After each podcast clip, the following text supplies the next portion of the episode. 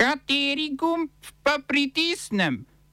Tisti, na katerem piše OF.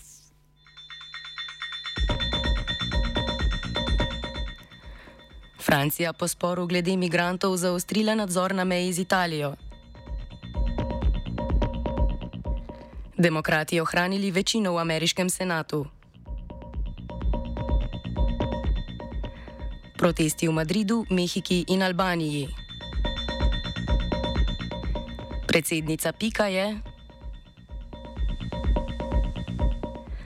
V kulturnih novicah začetki roga.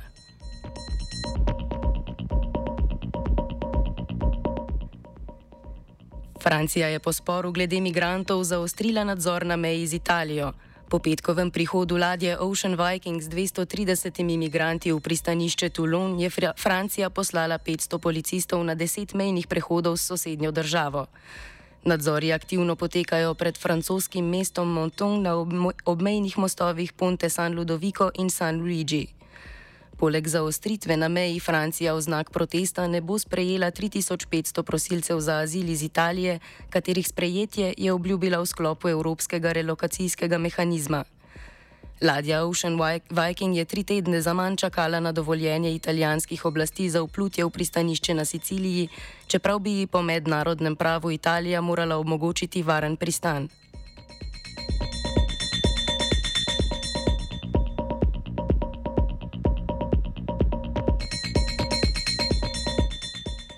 Ameriški demokrati so uspeli obraniti večino v senatu. V Nevadi so voljivci za senatorko ponovno izvolili demokratko Catherine Cortez Masto. Razmerje v senatu je torej enako, kot je bilo pred volitvami.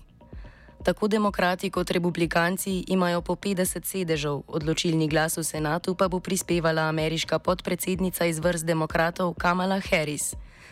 Neodločena ostaja senatna tekma v Džordžiji, kjer se bosta v decembrskem drugem krogu pomerila demokratski senator Rafael Warnock in republikanski izzivalec Herschel Walker.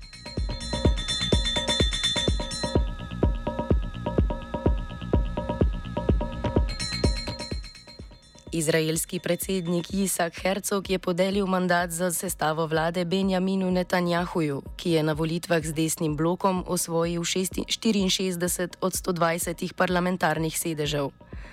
V taboru sta poleg njegove stranke Likud, Likud še skrajno desni verski sionizem in nacionalistična stranka judovske moči. To so bile pete splošne volitve v Izraelu v manj kot štirih letih. Od leta 2020 proti Netanjahuju sicer potekajo trije različni sodni procesi zaradi korupcije. Obtožen je sodelovanja z medijskimi tajkuni, ki jim je v zameno za ugodno poročanje o njem in njegovi družini ponujal darila in usluge v vrednosti več sto tisoč evrov. Premijejska funkcija bi mu omogočila imuniteto pred sodnim pregonom.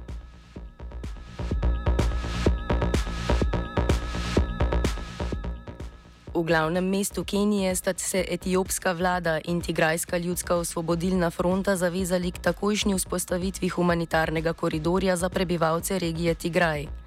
Sporazum sta podpisala vrhovni poveljnik etiopske vojske, general Birhanu Jula in general Tigrajskih osvoboditvenih sil Tadese Verde. Posrednik Olušegu Obasango potrjuje, da se bo dogovor začel vršiti takoj po podpisu. Obe strani sta se tudi zavezali k ustanovitvi skupnega komiteja, ki bo izvajal razoroževanje Tigrajske ljudske osvobodilne fronte. Dogovor je bil sklenjen po premirju med stranima, ki sta v Južni Afriki po dveh letih državljanske vojne dosegli soglasje po posredovanju Afriške unije.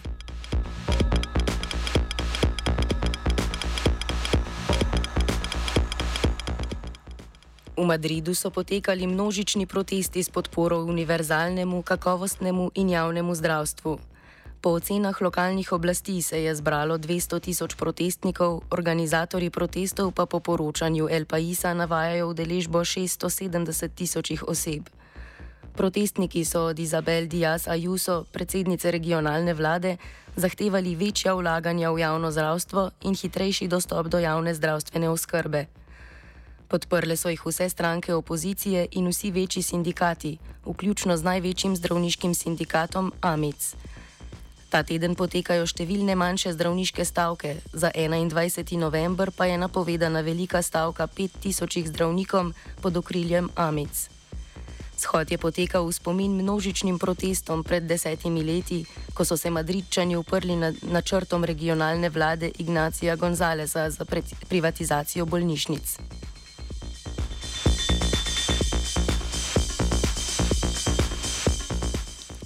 Več deset tisoč protestnikov je v Mehiki nasprotovalo reformi volilnih organov.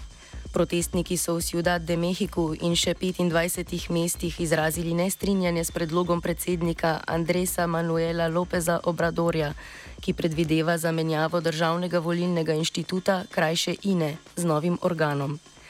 INE, v katerem imajo glavno vlogo v parlamentu imenovani predstavniki političnih strank, bi nadomestil nov za, na neposrednih volitvah izvoljen organ. Ta bi imel za izvedbo volitev na voljo manj proračunskih sredstev kot INE. Protestov se je udeležil tudi Jose Voldenberg, prvi predsednik INE in nekdani kolega Lopeza Obradorja v stranki Demokratične revolucije. Reforma volilnih organov je del predlaganih ustanovnih sprememb, ki obsegajo tudi zmanjšanje števila članov obeh domov mehiškega parlamenta in niže financiranje političnih strank. Dvotretinska večina v spodnjem domu, ki je potrebna za potrditev ustavnih amandmajev, sicer še ni zagotovljena.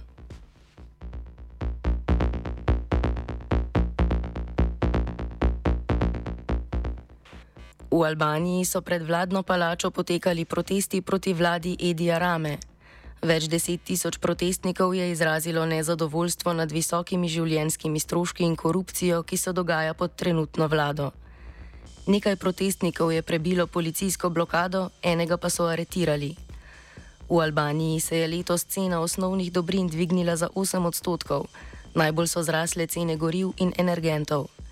Glavni pobudnik protestov je vodja opozicije, nekdanji premijer in predsednik Albanije Sali Beriša.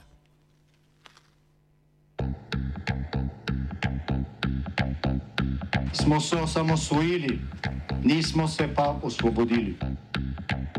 Da se naštejemo še 500 projektov. Izpiljene modele, kako so se strani nekdanje LDS rotirali. Ko to dvoje zmešamo v pravilno zmes, dobimo zgodbo o uspehu. Takemu političnemu razvoju se reče udar. Jaz to vem, da je nezakonito, ampak kaj nam pa ostane? Brutalni obračun s politično korupcijo. To je Slovenija, tukaj je naša zemlja, to je Slovenija, Slovenija, Slovenija. Nataša Pirc-Musar bo nova predsednica republike. V drugem krogu volitev je ob 53-odstotni volilni udeležbi s skoraj 54 odstotki glasov premagala Anžeta Logarja. Pirc Musar je dobila največjo podporo v volilnem okraju Koper 1, medtem ko je Logar največji uspeh zabeležil v Ribnici. Pirc Musar, ki je v času kampanje poudarjala, da bo glas tistih, ki nimajo glasu in niso slišani, je po izvolitvi to konkretizirala za Radio Prvi.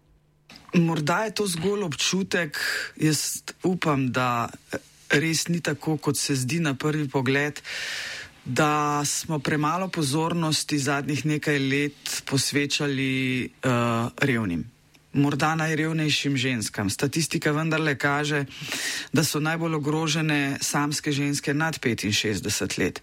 E, nimam zdaj le magične palčke v rokah, kako in na kakšen način se lotiti problematike e, najrevnejših prebivalcev in prebivalk naše države, ampak zagotovo se bom tej temi posvetila, e, ker ravno ženske starejše od 65 let nimajo svojega združenja, nimajo sindikata. Na zunanje političnem področju kot prioriteto izpostavlja Zahodni Balkan. Nekako sem si želela najprej obiskati Nemčijo kot našo največjo gospodarsko trgovinsko partnerico. Izjemno spoštujem nemškega predsednika Steinmarja in tak res gospod uh, je, ki zna s svojimi besedami, zdi se tudi pomiriti nemško nacijo, ko je to potrebno. Ampak zadnji dogodki na Zahodnem Balkanu bodo pa verjetno narekovali, no, da bi se kar odločila za turnejo po državah Zahodnega Balkana. E, namreč e, Slovenija je tista država, ki je na nek način neko okno ali vrata v Evropsko unijo, eh, pa ne spuščam Hrvaške, da ne bo pomote, se zavedam, vem, da je seveda Hrvaška tudi v Evropski uniji, ampak Hrvaška je malce preveč upletena tudi v dogajanje v Bosni in Hercegovini, kjer bo potrebno verjetno tudi mal, malce no, pomiriti strasti. Skrbi me pa tudi uh, odnos med Srbijo in Kosovom, zato verjetno bo krno ta turneja po Zahodnem Balkanu. Prva želim spoznati predsednike uh, teh držav in predsednico Kosova seveda Aha. in s tem nadaljevati proces Brdo Brioni, za katerega si želim, da ne bi bil samo srečanje enkrat na leto, ampak da bi uh, se dobili, recimo, večkrat, vsaj dvakrat, uh mhm. -huh. odvisno od težav. Ampak da bi na teh srečanjih tudi drug drugemu dali neke zaveze, kaj v obdobju med srečanji lahko naredimo, da bo Zahodni Balkan hitreje postal uh mhm. -huh. del enotne Evrope. Zunanja ministrica Tanja Fajon je v Bruslju na zasedanju zunanjih ministrov Evropske unije napovedala sodelovanje v misiji urjenja ukrajinskih vojakov. Misija, imenovana EUMAM Ukrajina, bo poleg urjenja posameznih enot zagotavljala še usklajevanje aktivnosti držav članic. V izjavi za STA je Fajon pojasnila, da urjenje ne bo potekalo v Sloveniji, temveč v drugih državah članicah in da misija ne obsega konkretne oskrbe z orožjem.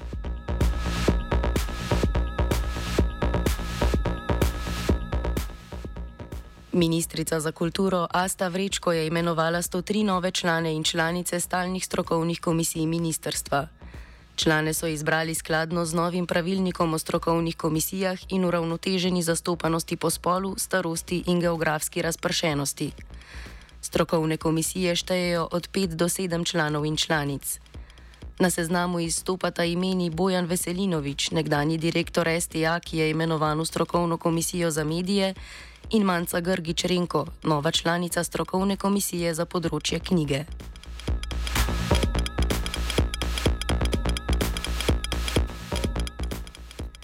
Ovsta pripravila vajenca Andraš in Ervin, mentoriral je Žan.